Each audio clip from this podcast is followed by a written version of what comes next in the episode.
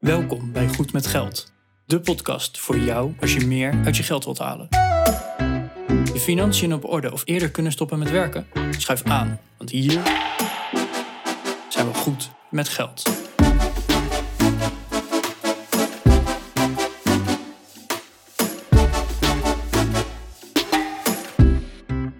Aflevering 77 van de Goed met Geld podcast. Ik ben Bas En ik ben Arjan. En vandaag hebben wij een gast in de studio. Ja, want we hebben het altijd over eh, investeren, beleggen, sparen en, en alles wat met geld te maken heeft. Maar vandaag gaan we ja, toch wel in op de iets negatieve kant van geld. Hè, want eh, geld is alleen maar leuk en dat kan heel goed uitpakken, maar het kan ook slecht uitpakken. En daarom hebben wij Inge vandaag uitgenodigd. En Inge is van Schuldhulpmaatje. Dus eh, welkom in de studio, Inge. Bedankt. Ja, en eh, vandaag hebben we het dus als, als onderwerp schuldhulpmaatje. En gaan we eens kijken van, oké, wat is deze organisatie? Wat doet deze organisatie? En wat betekent deze organisatie nu voor de maatschappij in zijn algemeen? En ja, misschien luister je nu wel en denk je, ja, die Bas en Arjen hebben het altijd maar over investeren en, en noem maar op. Maar ik heb het geld niet eens om mijn huur te kunnen betalen. Dus nou, dan is deze aflevering echt helemaal geschikt voor jou. Dus maar voordat we daarover gaan beginnen, wil ik eerst eigenlijk eh, even aan jou vragen, Inge. Kan je jezelf even kort voorstellen? Ja, dat kan ik. Eh, nou, ik ben Inge Wijts. Ik eh, werk voor uh, in Delft. En ehm, ik ben eh, 41, getrouwd, heb ook een aantal kinderen. Die we uiteraard ook proberen op te voeden op een manier waarbij zij goed leren omgaan met hun geld. En ik doe dit werk sinds ja, ongeveer 2008. Oké, en wat is jouw rol binnen Schuldhulpmaatje Delft? Eh, ik ben daar de coördinator, een van de twee. Eh, ik heb ook nog een collega, Monique. En dat betekent dat wij ehm, nou, eigenlijk de toko een beetje runnen. Zorgen voor een goed contact met de vrijwilligers, maar ook eh, de mensen die bij ons om hulp vragen. Daar ga ik bij op intakebezoek om te kijken wat er aan de hand is. Oké, en even, eh, ik wil iets meer weten over die organisatiestructuur, want je geeft heel specifiek aan Schuldhulpmaatje Delft. Ik zou zeggen, Schuldhulpmaatje is gewoon Schuldhulpmaatje. Dat eh, zou kunnen, maar dat is dus niet zo. Eh, het is een landelijke organisatie, een, een vereniging eigenlijk, met lokale afdelingen. En elke afdeling die ja, zorgt voor een eigen achterban in feite. Dus dat betekent dat wij in Delft zitten en dus Schuldhulpmaatje Delft zijn. Oké, en eh, stel eh, Den Hoorn, wat, wat hiernaast ligt, eh, heeft geen Schuldhulpmaatje Den Hoorn. Helpen jullie dan wel mensen uit Den Hoorn of is het echt alleen maar gefocust op Delft? Nee, het idee van schuldhulpmaatje is echt dat je het lokaal doet. En dat heeft heel erg te maken met het feit dat ja, schuldhulpverlening ook heel lokaal georganiseerd is. Dus, en ja, hoe vervelend dat ook soms is, elke plaats heeft daar ook zijn eigen manier in. Dus ja, ik kan heel erg goed weten hoe het in mijn woonplaats is. Maar in een andere woonplaats is het gewoon echt anders geregeld. En dan is het dus handiger om een organisatie te hebben daar ter plaatse die wel weet hoe het daar geregeld is. En dat heeft dan te maken met processen vanuit de gemeente, of waar heeft dat mee te maken? Ja, klopt. Ja, echt met de gemeente. De gemeente, of de wet op de schuldhulpverlening is een gemeentelijke eh, wet, zeg maar. De gemeente is verantwoordelijk voor de uitvoering. En die mag daar zijn eigen eh, route in kiezen voor een groot deel. Dus eh, ja, waar, waar de ene gemeente bijvoorbeeld zegt, ja, wij willen dat echt graag in eigen hand houden en wij organiseren dat zelf, zijn er ook gemeentes die dat uitbesteden aan een kantoor of met een andere gemeente samenwerken. Oké. Hey, en nog even door op de, ja, op, de, op de organisatiestructuur. Schuld op Maatjes is een landelijke vereniging, lokale nou ja, afdelingen om, om lokale hulp te kunnen bieden. Maar je gaf aan van ik ben, eh, ik ben organisator, dat doe ik samen met iemand anders. Maar we hebben ook vrijwilligers. Hoe, hoe loopt dat precies? Want jij gaat op intakegesprek, gaf je aan. Wat is de rol van de vrijwilligers? Hoe werken jullie daarin samen? Eh, nou, in principe doe ik echt alleen het intake-stukje. Tijdens de intake kijk ik vooral wat is er bij iemand aan de hand, hoe staat iemand erin. Eh, is iemand bereid om zelf dingen onder ogen te zien, maar ook ehm, ja, bereid om dingen anders te doen. Want als je hetzelfde blijft doen als je altijd hebt gedaan, dan krijg je ook hetzelfde resultaat. En dan probeer ik ook een beetje aan te voelen van nou, wat, wat is hier nou voor oplossing nodig en welke persoon zou hier goed bij passen. En als ik denk, nou, de hulpvraag past bij ons en ik kan daar een beetje een leuke match in eh, verzinnen, dan ga ik een van onze vrijwilligers vragen van, joh, dit is ongeveer het verhaal. Wil jij hier je tijd in stoppen om deze persoon te begeleiden? En die gaat dan aan de slag. En ik ben dan alleen nog maar op de achtergrond aanwezig om mee te denken en te kijken of het, uh, of het goed blijft lopen. En uh, dan ja, ligt er dan ergens een probleem waarvan een vrijwilliger denkt, ja, uh, nooit eerder meegemaakt, hoe los ik dat nou op? Dan kunnen ze bijvoorbeeld bij mij aankloppen om samen naar over een oplossing na te denken. Oké, maar als ik nu hoor, en, en daar gaan we denk ik later ook nog wel op terugkomen. het is dus niet per definitie zo dat als je schulden hebt of financiële problemen, dat je bij schuldhulpmaatje terecht kan. Nee, niet helemaal per se.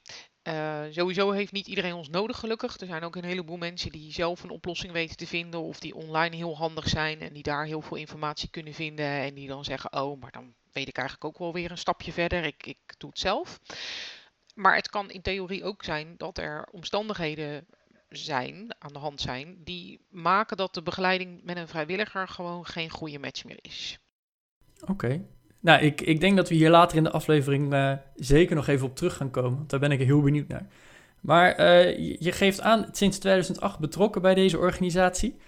Hoe ben je hier verzeld geraakt? Hoe, hoe is dat zo gekomen? Ja, eigenlijk vooral als vrijwilliger. Ik ben zelf ook als vrijwilliger begonnen. Was ik op zoek naar een manier om mijn tijd uh, nuttig en leuk te besteden. En dat klinkt een beetje raar, want voor de mensen die deze hulp nodig hebben is het natuurlijk niet leuk. Maar ik ervaar het wel als een leuke uitdaging. Ja, het is voor die mensen wel leuk dat er hulp is natuurlijk, hè? dat ze ergens terecht kunnen. Ja, ik weet niet of ze dat de eerste twee maanden zo ervaren hoor. Maar mm, zullen er vast wel zijn die echt vooral. Nou, ik denk dat opgelucht soms nog het beste woord is eigenlijk. niet per se leuk. dank, dus dankbaar. Misschien dat het achteraf pas echt leuk is. Ja, ja, en dat kan soms echt pas na een paar jaar zijn dat je dan terugkijkt en denkt: Oh, nou heb ik het echt achter de rug. En nu zie ik pas wat ik voor route heb gelopen. En, en hoe fijn het eigenlijk is dat ik dat achter me kan laten. Als je er middenin zit, dan um, is dat echt nog wel eens lastiger te zien. Mm -hmm. Um, maar ja, goed, ik ben vrij handig met getallen. En uh, ik schrik niet van getallen. En ik dacht, nou, misschien kan ik wel helpen om daar wat mensen wat op een ander stukje te krijgen. En ja, zo ben ik eigenlijk gewoon aan gaan kloppen van jongens, dit lijkt mij wel wat. Uh, vinden jullie dat ook een uh, handig plan? En zo zijn we gaan samenwerken. Oké, en je, je bent dus begonnen als gewoon schuldhulpmaatje. Ja. Echt, echt als maatje en als vrijwilliger in de, in de organisatie. En ondertussen ben je coördinator. Ja. Zitten daar nog wat stappen tussen? Hoe, hoe is dat zo verlopen? Nou, eigenlijk niet zo heel veel stappen. Uh, na een paar jaar hield de coördinator die er zat mee op. En dat was ook de periode, even een, een beetje een anders dan anders uh, traject wat, uh, wat we in Delft hebben gehad. In Delft bestaat het schuldopmaatjesproces al wat langer dan ja. landelijk. Dus wij zijn in 2012 aangehaakt bij de landelijke organisatie. En toen zei de coördinator die er toen zat van ja, maar nou gaat het zoveel tijd kosten, dat kan ik niet meer naast mijn baan doen. En toen is er een functie voor vrijgekomen waar ik in gerold ben. Oké. Okay. Dat klinkt inderdaad uh, ja, gewoon eigenlijk super tof dat je, dat je ondertussen dat al 12 jaar uh, toch al doet. Want uh, dat, sinds 2008, dat is dus eigenlijk al 12 jaar. Dus dat, ja, toch wel respect ervoor. Ja. ja, als je dingen leuk vindt, is het niet per se respect. Hè? Dan ben je gewoon bezig met je werk wat je toevallig ook leuk vindt. Dus dat komt mooi uit. Ja, maar toch, het is, het is wel 12 jaar dat je ergens dedicated aan verbonden bent. Dus dat, dat mag ook wel eens gezegd worden. Ja, nou, dankjewel. Is het, een, is het een fulltime baan voor jou bijvoorbeeld? Uh, um, nou, dan zeg ik altijd, ik krijg ongeveer 3,5 dag betaald. en de rest van de tijd is ook vrijwilligerswerk voor mij. ja, ja dus je, je, je werkt wat meer dan die 3,5 dag. Ja, ja. Ja, ja, ja. Ja, cool. Helemaal goed. Stel, uh, ik, ik wil even terug naar wat we eerder in deze podcast hebben uh, genoemd. Van ja, uh, het is dus niet voor iedereen meteen uh, een, een, geschikte oplossing, hè, het, het schuldhulpmaatje principe. Maar stel nou, ik heb, ik heb schulden. Hoe kom ik dan bij jullie terecht? Hoe, hoe gaat zoiets in zijn werk? Hoe ziet dat traject eruit? Nou, bij ons terechtkomen is eigenlijk vrij simpel en kan op heel veel verschillende manieren. We hebben een eigen website waarop mensen zich kunnen aanmelden. Daar is gewoon een online formulier voor. Je kan bellen als je dat prettiger vindt. Er zijn mensen die worden doorverwezen door een andere hulpverlener die ziet van hé, hey, maar daar zit een pijnpunt of je komt daar voor dat pijnpunt en ze verwijzen door. De gemeentelijke schuldhulpverlening stuurt mensen door waarvan zij zeggen van nou, ja, je hebt een probleem, maar je gaat hier niet in je eentje de goede stappen kunnen doorlopen. Dus wij denken dat het handig is als je er een maatje naast hebt. Onze landelijke organisatie heeft ook een aanmeldplatform, dus ook dat is mogelijk. Dus het is maar net ja, hoe je leven loopt en wie je toevallig tegenkomt en wat je weet. En dan kan dat al een volgende stap zijn. Ja, wat dat Ja. betreft zijn er vele wegen die naar Rome leiden. Ja, gelukkig wel. Oké. Je, je ziet dat er dus uit verschillende hoeken mensen aankloppen bij jullie voor hulp. Wa- Wat zijn dat voor mensen? Zijn dat mensen die echt hele domme dingen hebben gedaan? Ik, ik chargeer het hier een beetje hoor, maar ja, hoe, hoe komen mensen in dat soort situaties terecht? Wat, wat gebeurt er dan? Ja, dat kan echt super divers zijn. Dat, en dat is ook nou ja, voor ons wel het leuke om te zien van nou, wat, wat kan er allemaal gebeuren waardoor mensen uiteindelijk in de situatie terechtkomen dat ze het niet meer redden en hulp vragen. Maar ja, voor de mensen zelf natuurlijk bijna altijd wel iets gebeurt waarvan ze wat ze niet in de hand hadden en wat ze heel vervelend vonden. Eh, dat kan baanverlies zijn, een scheiding, een ziekte nou ja, inkomstenterugval in algemene zin is gewoon echt wel eh, belangrijk. Want dat kan bijvoorbeeld ook komen doordat je met pensioen gaat, maar niet echt een enorm pensioenpotje had opgebouwd. En dan ben je nou, tegen de 70 en dan kom je dan ineens in de financiële problemen. Ook dat kan. Dus, maar ja, wij zien vooral een combinatie van eh, een vervelende gebeurtenis in het leven en daar dan niet adequaat op kunnen reageren. En dan verergeren dingen uiteindelijk zo erg dat je het niet meer zelf goed kan oplossen en dat je er iemand naast nodig hebt om met je mee te denken. En, en oké, dan heb je dus de weg naar schuldhulpmaatje gevonden. Eh, je hebt je aangemeld of hè, je, hebt, je hebt een berichtje gestuurd van... hé, hey, ik heb hulp nodig. Dat is denk ik al een hele grote stap. Maar hoe gaat het dan verder? Dan een beetje afhankelijk van hoe je, hoe je er te- bij ons terecht bent gekomen. In principe, eh, als je jezelf aanmeldt, dan eh, neemt eh, een van de coördinatoren contact met je op om een intake in te plannen. Mhm. Dat is bij mensen thuis, in hun eigen omgeving. Dat, nou, de meeste mensen vinden dat niet zo vervelend. Heel af en toe dan haakt daar iemand op af. Maar dat is voor ons wel heel belangrijk, want wij hebben niet een enorm kantoorpand waar we kunnen werken. Wij werken bij de mensen thuis en dat is voor ons extra belangrijk omdat we juist mensen in hun eigen omgeving willen ondersteunen in hoe kan jij hier nu in jouw situatie je zaken goed regelen. En als wij op een kantoor gaan zitten met allerlei faciliteiten, dan is het misschien wel zo dat het bij ons allemaal heel leuk lukt. En dan zijn wij weg. En dan lukt het thuis helemaal niet, want daar heb je niet die fantastische laptop staan en geen printer. En ja, dan moet je het ook nog eens een keer alleen doen. En, nou, en dan ben je dadelijk weer terug bij af, omdat je het eigenlijk gewoon nog steeds niet goed weet. Ja, en onze vrijwilligers die werken dus ook aan huis. Dus omdat ik wil, ik wil echt wel weten waar zij terecht gaan komen. En hoe het er daaruit ziet. En ook dat zegt weer iets over mensen. En kan voor mij dus ook weer eh, informatie opleveren om een goede match te maken. En dan ja, ga ik dus vooral heel, heel veel vragen stellen. Ja, want de, de match die je maakt, je gaat dus wel bewust op basis van de intake en, en het type probleem misschien waar iemand mee zit, eh, eh, aan een specifieke vrijwilliger proberen te koppelen. Ja, dat is echt de bedoeling. Dat is, dat is een van jouw taken. En ik, dat, dat is gewoon fijn voor alle partijen, zeg maar. Want eh, ik heb vrijwilligers die bijvoorbeeld echt onwijs leuk vinden om een enorme kluwe aan rommel te ontwarren en daarbij te helpen. Maar ik heb ook vrijwilligers die het liefst een beetje een, eh, ja, een lichte ondersteuning bieden en wat, eh, wat meer een, ja, ik noem dat dan maar een kabbeltraject, eh, zeg maar, eh, willen helpen. En dat zijn vaak nogal andere persoonlijkheden. En die moet je niet op elkaars plek zetten. Dat vinden ze allebei niet leuk. Dus dat, nou, dat is bijvoorbeeld een van de dingen waar ik op let. Daar, daar jaag je denk ik ook je vrijwilligers mee weg. Ja, Want Ja. hoeveel vrijwilligers hebben jullie ongeveer? iets meer dan 40. In Delft alleen. In Delft alleen. Ja, landelijk dan heb je het echt over honderden. Dat, dat zijn echt be- behoorlijke aantallen. En is 40 in Delft genoeg? Of zijn jullie eigenlijk altijd op zoek naar vrijwilligers? Wij zijn altijd op zoek naar vrijwilligers. Eh, eh, Weet je, mensen die zich melden, dat is echt het topje van de ijsberg. En we zijn ook steeds bezig om te kijken van, goh, kunnen we meer mensen en vooral eerder mensen bereiken om het eh, met hun probleem aan de slag te gaan? Ja, en als dat lukt, dan heb je dus ook weer een hele berg vrijwilligers nodig. En nou ja, die kunnen niet gelijk morgen aan de slag. En ook niet iedereen die zich aanmeldt is even geschikt. Mhm. Dus ja, dat is ook wel even spannend. En ja, het is vrijwilligerswerk. Dus er vallen ook regelmatig weer mensen uit die, eh, ja, Die toch weer wat anders gaan doen. Ja, Ja. of iets anders gaan doen. Of er, er speelt iets in hun leven. En Ja.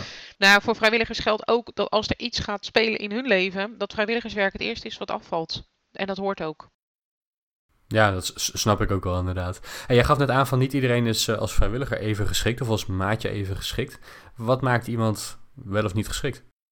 Ja, het gaat inderdaad om schuld op maatje. Want als je bij ons niet terecht kan, dan ben je misschien wel ergens anders onwijs goed in. Dus uh, dan zijn er echt genoeg andere plekken waar mensen om je zitten te springen. Dus uh, het is echt niet een uh, overall, doe maar niet.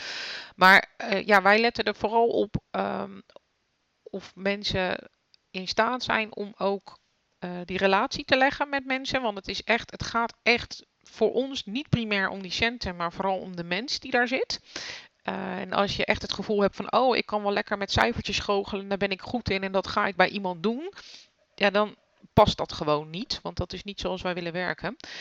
En wat ook belangrijk is, is dat je mensen hun eigen proces gunt. Dus ik heb wel eens mensen tegenover me zitten die maatje willen worden, maar die eigenlijk heel erg um, hun eigen plan maken en dat op de hulpvrager willen leggen maar die moet nog een heel proces door. Die is niet op de plek waar jij bent. Die moet misschien wel afscheid nemen van dingen die hij altijd zo gedaan heeft. En dat kost tijd. En die tijd moet je mensen kunnen gunnen.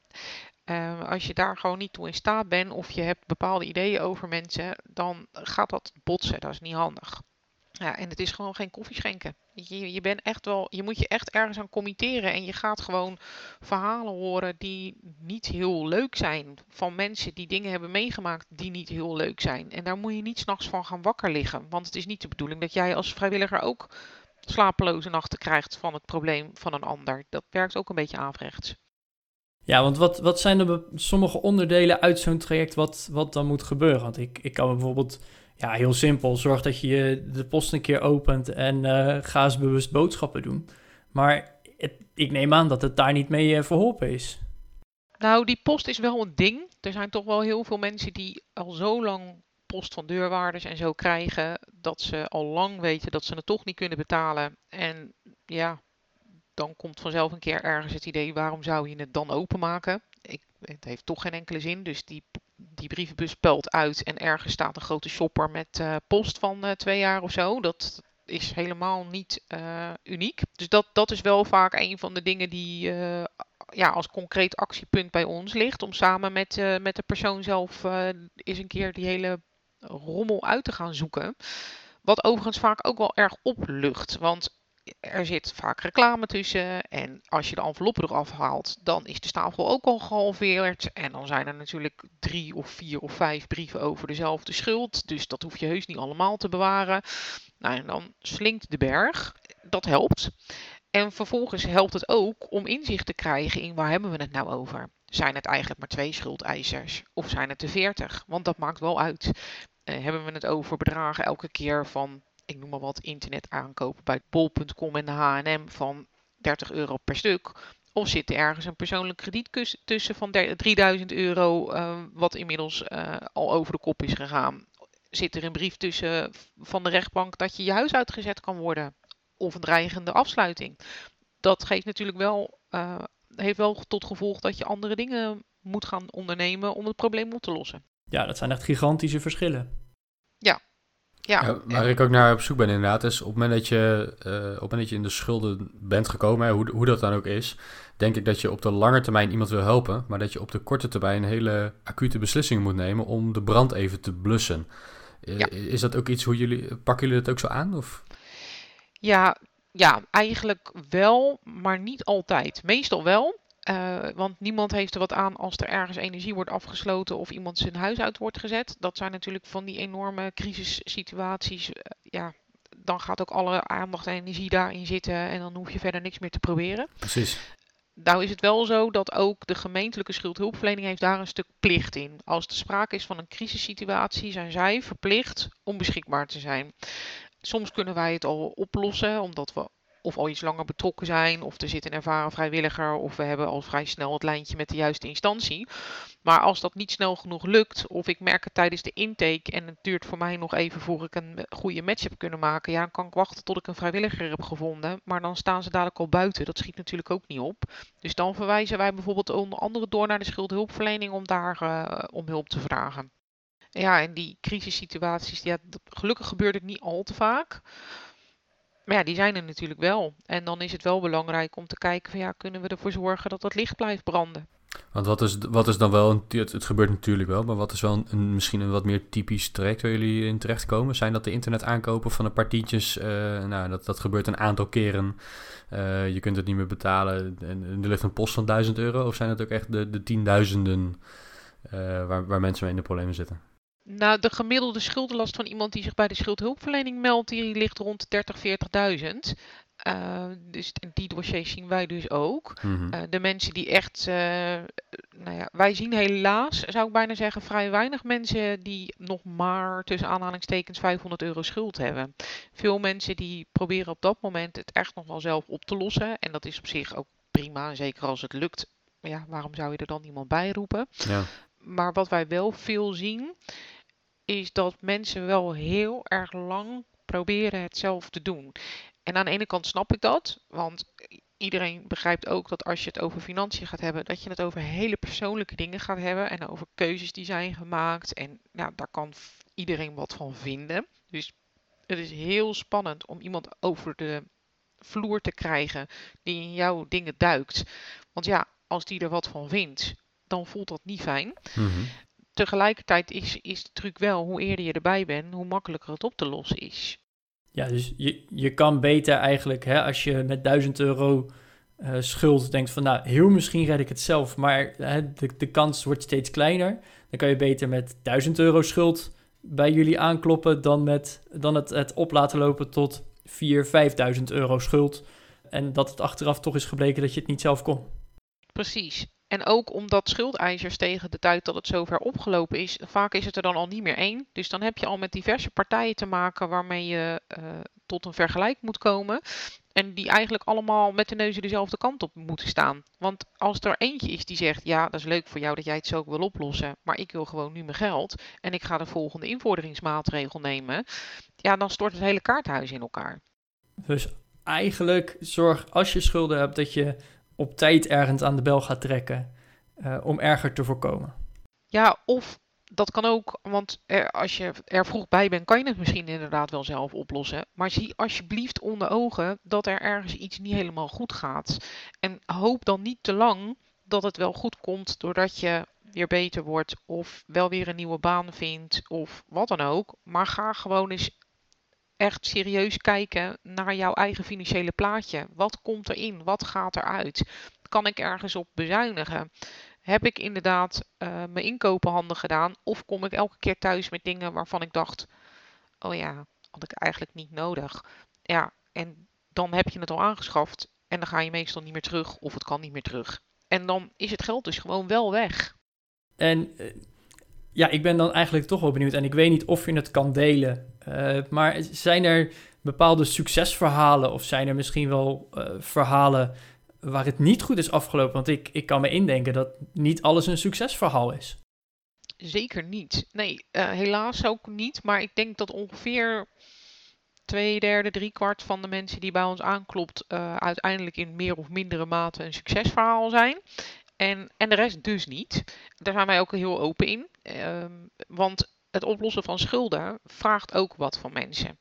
En niet iedereen is bereid om die stappen te zetten. En dat betekent ook dat wij af en toe afscheid nemen van mensen. Dat doen we overigens als het even kan in uh, goed onderling overleg. Zodat mensen zich ook vrij voelen om weer terug te komen op een moment dat ze zeggen: hey, ik heb dat toen niet gedurfd, maar nu ben ik er klaar voor. Ik, en ik kan daar toch nog wel weer een steuntje bij gebruiken prima. Kom alsjeblieft weer terug. We gaan er als het even kan, en zeker als er dat soort veranderingen zijn, met alle liefde weer naast staan. Maar inderdaad, het lukt niet allemaal. Uh, wij hebben ook elk jaar een jaarverslag over wat er is gebeurd. Zowel naar, als verantwoording naar de fondsen toe, uh, waar wij ondersteuning van krijgen, maar ook naar de samenleving toe. Die zijn terug te vinden. En daar staan ook altijd verhalen in die, van mensen waarbij het juist goed is gegaan of juist niet.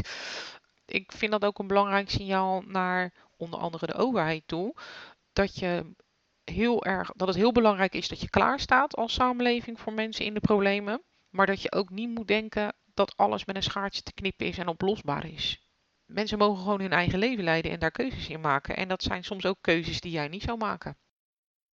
Ja, precies. Maar wat, wat gebeurt er dan op het moment dat iemand uh, nou, niet geholpen kan worden of niet geholpen wil worden? En, en die kluwen aan problemen, die, die wordt alleen maar groter. Wat dan? Nou, precies wat jij omschrijft, dan wordt die kluwe groter. En meestal betekent dat dat de problemen verergeren. En dan kom je toch op een punt dat iemand bijvoorbeeld zijn huis uitgezet wordt. Of ehm, dat iemand alleen nog maar slapeloze nachten heeft. Of wat dan ook. En ja, voor sommige mensen geldt dat ze dat echt nodig hebben om op het punt te komen dat ze zien van, oh, wacht even, maar dit is, ja, ik zei toen nee tegen die oplossing, maar het is echt de enige oplossing. Ik ga het nu toch gewoon doen. Nou, dan moet dat maar. Dus het is echt wel een, een, een vraag naar de eh, eigen verantwoordelijkheid van degene die je probeert te helpen. Ja, en ik denk dat dat ook belangrijk is. Niet omdat ik vind dat het iedereen zijn eigen schuld is, maar wel omdat ik denk dat ehm, als je wil voorkomen dat mensen uh, steeds dezelfde cirkel lopen, dat dat stukje waarin je je eigen verantwoordelijkheid pakt, dat is wel zeg maar de sleutel om dat voor een groot deel weer te voorkomen. Want als jij ziet van hé, hey, ik had dingen anders aan moeten pakken. En dat hoeft niet eens te zijn dat je eh, enorm erop los hebt geleefd. Het kan ook zijn dat je niet op tijd die hulp hebt gevraagd. Of dat je informatie miste. En dat je daar dus gewoon achteraan moet. Dan geef je daarmee ook. Uh, daarmee krijgt iemand gewoon iets in zijn rugzak. Waar hij ook in de toekomst weer op terug kan vallen. En dat is gewoon heel belangrijk. Dat is ook helpend om een situatie voor later te voorkomen. Dat is uiteindelijk waar de langetermijnoplossing ligt. Ja. Het is helemaal niet moeilijk om een hele grote zak geld op tafel te leggen en alle schulden af te betalen. Als de geld er zou zijn, dan zou dat natuurlijk kunnen. Maar de vraag is of je daar iets mee oplost. Ja, daar los je op dat moment wat mee op inderdaad. Maar ja, als je het, het gedrag niet verandert, ben je over een paar jaar weer op dezelfde plek. Ja, en dat geldt natuurlijk niet voor iedereen.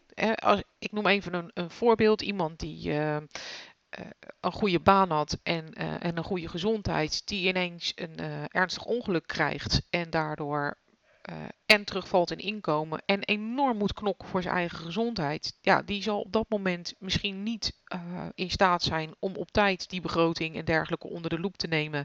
Dus alles loopt door zoals het ging, maar het inkomen niet meer. Ja, dan krijg je dus schulden. Dat, dat is niet onwijs verwijtbaar. Het is, eh, ja, iemand had misschien eigenlijk wel iets moeten ondernemen, maar daar heb je op dat moment echt eventjes de bandbreedte niet meer voor. Kijk, zo iemand is misschien wel geholpen met een zak geld, omdat het niet ligt in uh, echt gedrag. Maar iemand die uh, alleen tussen aanhalingstekens een baan verliest en uh, daardoor misschien wat meer ruimte zou hebben om dingen aan te pakken, maar vooral bezig is met hopen dat hij over twee maanden weer een baan heeft. En dat is de oplossing. Ja, daar kun je natuurlijk wel mee in gesprek van, joh, hoe zou je dat nou de volgende keer aanpakken? Want deze oplossing heeft dit gebracht.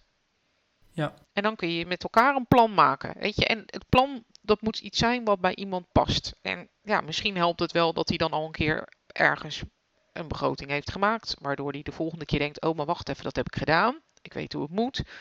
Ik pas hem even aan aan nu en dan ben ik uh, en dan kan ik ook meteen zien waar het zit en dan ben ik klaar. Nou, mooi toch? Ja, ja. En, en dat is misschien ook nog wel even goed om aan te geven, hè? want je, je geeft aan een derde is dus uh, niet succesvol helaas. Uh, maar dus denk ik ook wel even goed om aan te geven dat schuldhulpmaatje niet het, het eindstation is. Het is een, een tussenstation. Als je financiële problemen hebt, dan kan je je daar aanmelden om, om te kijken van... hey, kan ik er met wat hulp uiteindelijk zelf nog uitkomen? Uh, er, er, zit wel een bepaalde uh, verplichting in, ja, een verwachting van hey, het is wel de bedoeling dat je zelf ook uh, meewerkt. Maar het is niet zoals onder curatelen komen staan of echt de schuldsanering, wat nog heel veel grotere stappen zijn, waar ook echt de, de verplichting is dat je zelf geen keuze meer hebt. Nou, curatelen dan, dat is inderdaad wel een hele grote stap hoor. Dan word je een soort handelingsonbekwaam en dan mag je echt nergens meer over beslissen als het gaat om je financiën daar, daar werken wij in principe sowieso niet mee samen. Want die mogen niks meer zelf beslissen. Ja, dat heeft dus niet zo heel veel zin. Um, met de schuldhulpverlening werken we inderdaad wel vrij veel samen. Want kijk, als iemand echt een schuld heeft die niet meer goed zelf oplosbaar is. Uh, een schuld van 30.000 euro is over het algemeen niet meer handig zelf op te lossen.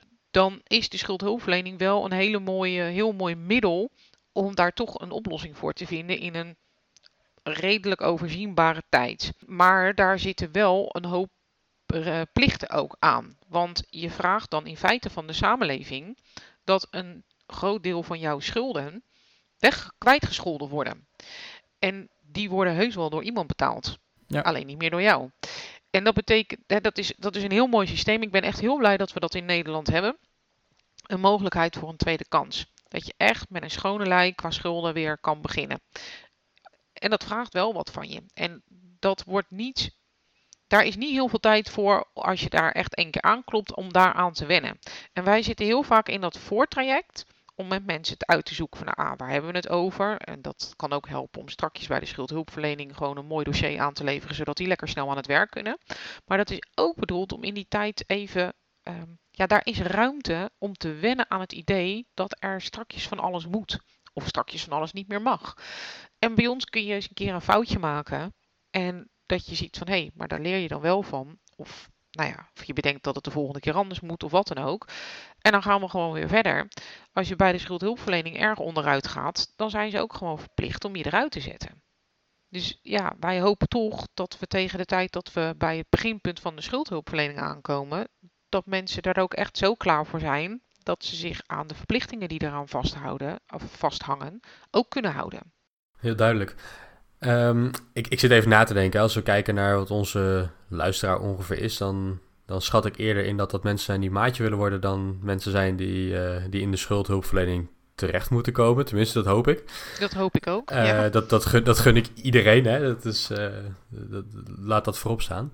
Maar wat nou als er een luisteraar is um, die, die nu luistert en die zegt: Ik zou best wel in mijn gemeente ook mensen willen gaan helpen. Hoe kunnen zij maatje worden? En wel, welk traject zit daar dan aan vast? Want ik neem aan dat je niet je aanmeldt en dat je meteen maatje bent. Nee, nee, dat zo simpel gaat hier nog net niet. Nou ja, het is wel, je kan je aanmelden en dan word je als het goed is benaderd door de plaatselijke coördinator om uh, in elk geval eens even een gesprekje te hebben. Uh, ja, onze landelijke organisatie heeft een plek waarin je je als maatje kan aanmelden. En je kan ook gewoon eens googlen op uh, schuldhulpmaatje en je woonplaats. En dan is de kans toch wel groot dat er iets naar boven plopt met een iets van contactgegevens. Dus dat uh, zou ik dan vooral eens doen. En het idee is dat er uh, eerst inderdaad een stukje communicatie is tussen de plaatselijke coördinator en jou. Joh, uh, wat zijn je verwachtingen daarbij? En nou, hoe werkt het hier? Ook dat stukje uitleg. Dat je ook een beetje een gevoel krijgt van nou, ga ik daar op de goede plek zitten? Daar hoort ook een, uh, een online pre-learning bij van de landelijke organisatie, die ook eventjes uh, in uh, nou, anderhalf uur ongeveer een indruk geeft over de werkwijze, maar ook over hoe jij in je geldzaken staat. En ja, als daar een, een match uitkomt, dan krijg je via Schuldhulpmaatje Nederland een driedaagse training. Um, om je voor te bereiden op het werk wat komt. En dat is een, nou, ik noem het maar even een, een, een, basistraining. Want uiteindelijk ga je vooral in de praktijk ervaren wat het dan echt is. Maar het is wel een hele mooie training. Eh, vrij uitgebreid, echt in drie dagen ga je met een, een groep van ongeveer 15 mensen uh, nadenken over ja, wat is nou je rol als maatje. Uh, maar ook een stukje kennis over de schuldhulpverlening, over deurwaarders en heel praktisch ook over de, ja, de portemonnee van de hulpvrager, zal ik maar zeggen. Van ja, hoe, uh, wat voor hulpmiddelen heb je nou om zo iemand uh, extra informatie te geven of om overzicht te creëren? Oké, en uh, Inge, als jij dan eenmaal maatje bent, hè, je, je komt bij een persoon of bij een gezin, ik denk dat dat allebei wel kan. Sta je er dan alleen voor? Heb je, heb je nog ergens een, een hulpboek? Of ben jij als coördinator de enige waar zo'n vrijwilliger contact mee heeft? Of gebeurt er nog meer? Zij, ze doen het natuurlijk primair uh, zelf. En dat, dat is vaak ook wat de meeste maatjes fijn vinden. Het is wel zo, een hulpvrager klopt aan bij de organisatie, niet bij het maatje zelf. Dus uh, we doen het ook samen. Dus als er uh, dingen niet lekker lopen, dan ja, vallen ze primair terug op, op hun coördinator. Maar je hebt natuurlijk ook een plaatselijk netwerk aan hulpverleners. En daar kun je ook gewoon je vragen bij stellen. Of je hulpvragen naar doorverwijzen als dat nodig is. Dus het gebeurt ook wel eens dat we bijvoorbeeld naar een sociaal raadslid doorverwijzen, of formulierenbrigade, of de voedselbank, of nou ja, wat er allemaal maar aan hulpmiddelen aanwezig is. Maar we hebben ook onderling contact met elkaar. Een paar keer per jaar zitten de maatjes bij elkaar om ook uh, casussen te bespreken. Hun leerpunten, maar ook hun pijnpunten of uh, nou ja, gewoon vragen die ze hebben. En dan komen er ook wel eens hele interessante tips onderling uh, naar boven. Dat is echt super gaaf.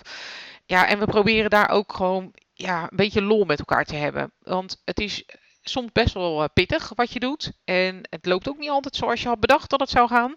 En dan is het ook wel fijn als je dat een beetje van je af kan leggen en ook met elkaar kan lachen over de dingen die je soms meemaakt of, ja, of, of die gebeuren.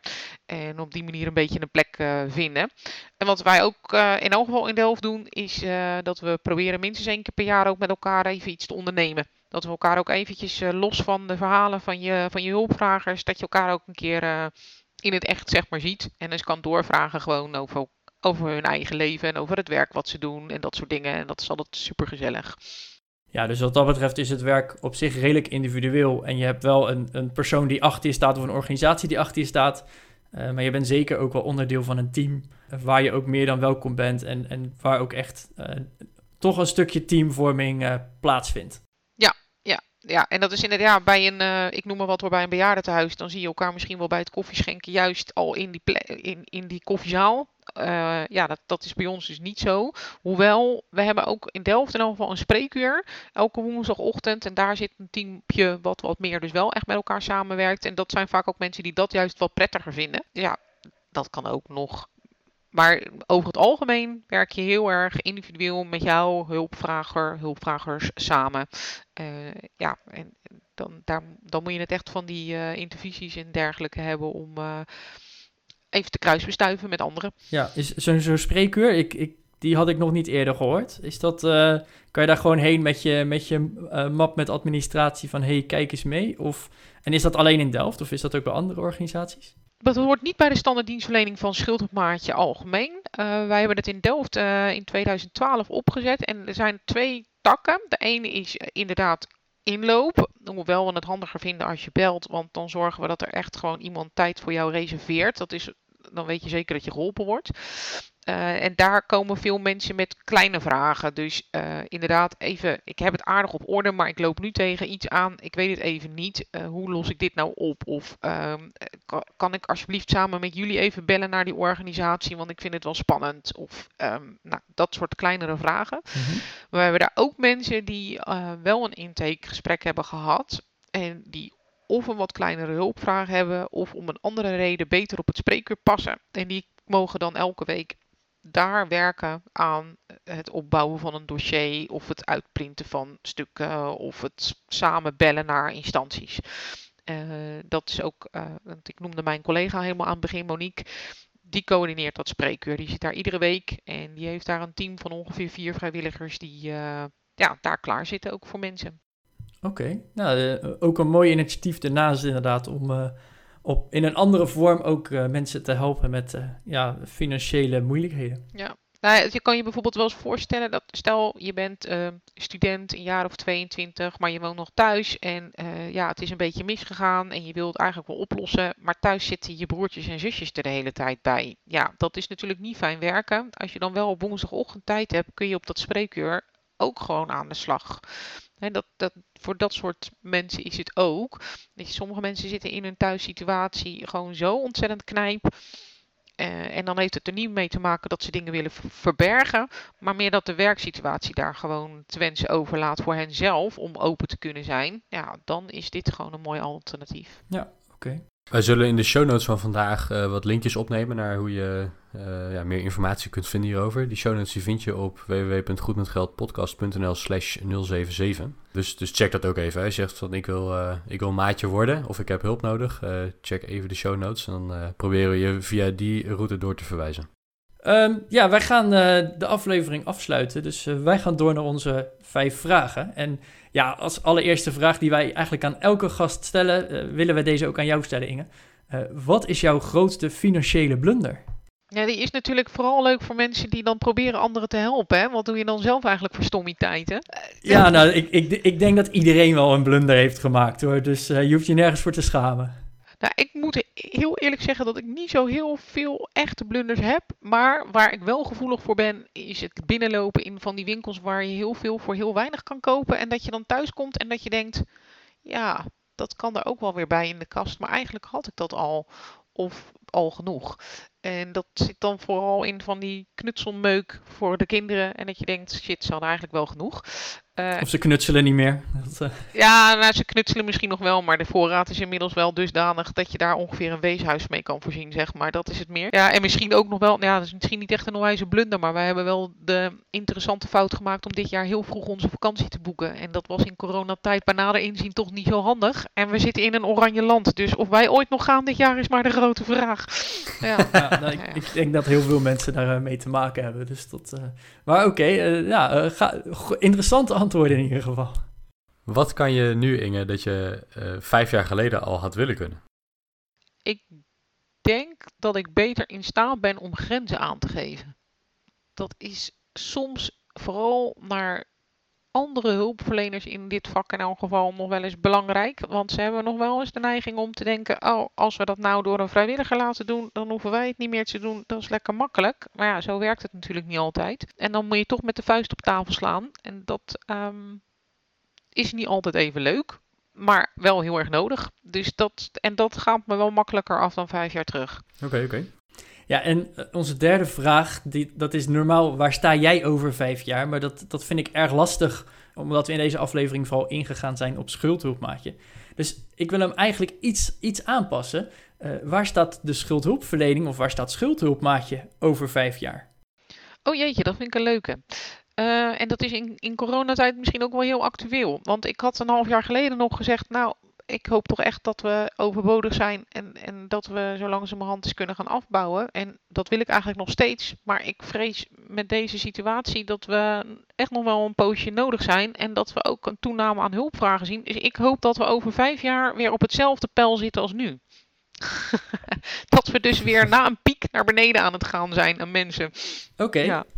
En welke bron van informatie zouden onze luisteraars volgens jou moeten kennen? Ja, en dan ga ik toch een beetje op het stukje preventie, denk ik, een beetje inhaken. Um, wat heel erg leuk is, is, uh, en dat is onder andere geïnitieerd door onze landelijke organisatie, uh, Schuld op Maatje Nederland, is een, een, een soort platform waar alle uh, initiatieven die met schulden en schuldhulpverlening te maken hebben op zijn gebundeld. En dat is de nationale schuldhulpverleningsroute. Of de Nederlandse schuldhulpverleningsroute moet ik zeggen. En daar dat is zeg maar een soort routekaart voor, voor iedereen die te maken heeft met betalingsachterstanden of erger. En door een hele simpele en anonieme vragenlijst in te vullen, wordt er gekeken van nou, hoe groot is jouw probleem en wat zou er nou als oplossingsrichting bij jou passen? Is dat nog gewoon lekker zelf uh, wat doen en hier heb je dan wat websites en wat voorbeeldmateriaal en, en uh, ga je gang. Tot aan de hele andere kant van het spectrum. Ga je alsjeblieft als de wie weer ga melden bij de schuldhulpverlening, want dit uh, gaat helemaal mis. En alles ertussenin. Ja, ik zou echt zeggen, als je twijfelt, kijk daar eens naar en wees gewoon eerlijk over de vragen. Het wordt nergens opgeslagen, het is allemaal lokaal. Maar je krijgt wel een, uh, uh, een advies wat past bij jouw situatie en de plaats waar je woont. En hopelijk kunnen we dan zo snel mogelijk zoveel mogelijk mensen ondersteunen in het oplossen van het probleem. Hoe klein of hoe groot het ook is. Ik vind dat een hele, hele goede bron. Deze gaan we inderdaad opnemen in de, in de show notes van vandaag. Ja, de laatste vraag van onze vijf vragen. En ik ben altijd heel blij dat ik hem mag stellen. Uh, want dan kan ik hem ook een klein beetje aanpassen. Want uh, wij vragen altijd om advies. Uh, en ik vind het heerlijk om deze vraag op te splitsen naar twee losse vragen. Dus Inge, wat is jouw advies voor mensen met schulden? En voor mensen die eventueel schuldhulpmaatje willen worden? Nou, als je schulden hebt, zou ik echt willen zeggen: wacht niet te lang. Um, ja, het is spannend. Ja, het is eng. En het is niet leuk. Maar er zijn echt heel veel mensen die willen helpen. Van maatschappelijk werkers tot schuldhulpverleners en schuldhulpmaatjes. En uh, als het goed is, gaan ze naast je staan uh, en proberen ze met jou te denken naar hoe het anders kan.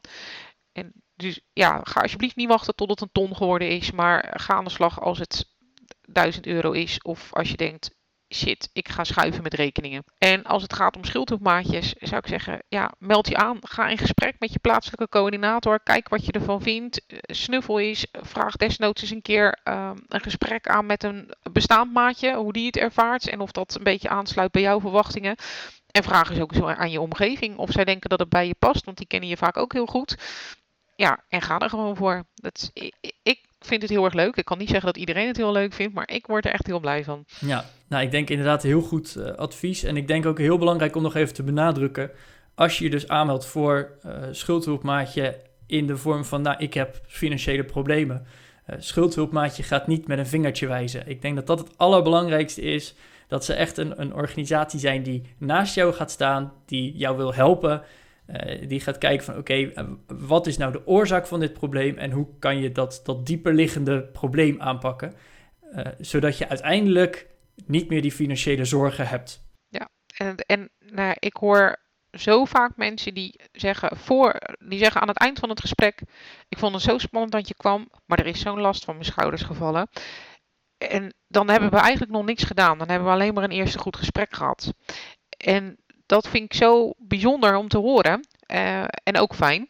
Maar ook, ook jammer, omdat dat gesprek dus waarschijnlijk ook al maanden eerder gevoerd had kunnen worden. En dat betekent een hele hoop slapeloze nachten die er dan extra zijn geweest, die misschien niet hadden gehoeven. Ja, inderdaad. Oké, nou, ik, ik denk dat dit gewoon ja, super antwoorden zijn op onze vijf vragen in ieder geval. Inge, ik wil jou hartelijk bedanken voor jouw tijd op deze vroege donderdagochtend. Graag gedaan, toch wel. um, ja, ik denk dat we inderdaad uh, schuldhulpmaatje in deze aflevering uh, gewoon even goed hebben toegelicht. En ja, dat dat echt kan helpen uh, om goed met geld te worden, maar ook zeker om anderen eventueel te helpen om ook weer goed met geld te worden. Ja, ja, weet je, en als je later ineens een grote zak geld hebt, helemaal prima toch? Dat is hartstikke leuk als dat uiteindelijk het gevolg is van een ondersteuningstraject. Ja, inderdaad. Nou, mocht je deze aflevering nou interessant vinden, check dan ook zeker even uh, ja, onze andere afleveringen. Die gaan misschien iets minder over, de, uh, over schulden. Maar wel over hoe je kunt voorkomen dat je in de schulden komt door gewoon goed met geld te zijn. Dus uh, ja, check gewoon uh, onze oudere afleveringen. En als je nu zegt van nou, ik wil eigenlijk wel elke week deze podcast volgen. Abonneer je dan. Dat kan bij Spotify, dat kan bij iTunes of Apple Podcasts heet dat geloof ik tegenwoordig. Dus volg ons daar. Laat een rating en een review achter. En dan zien we jullie volgende week weer. Tot volgende week.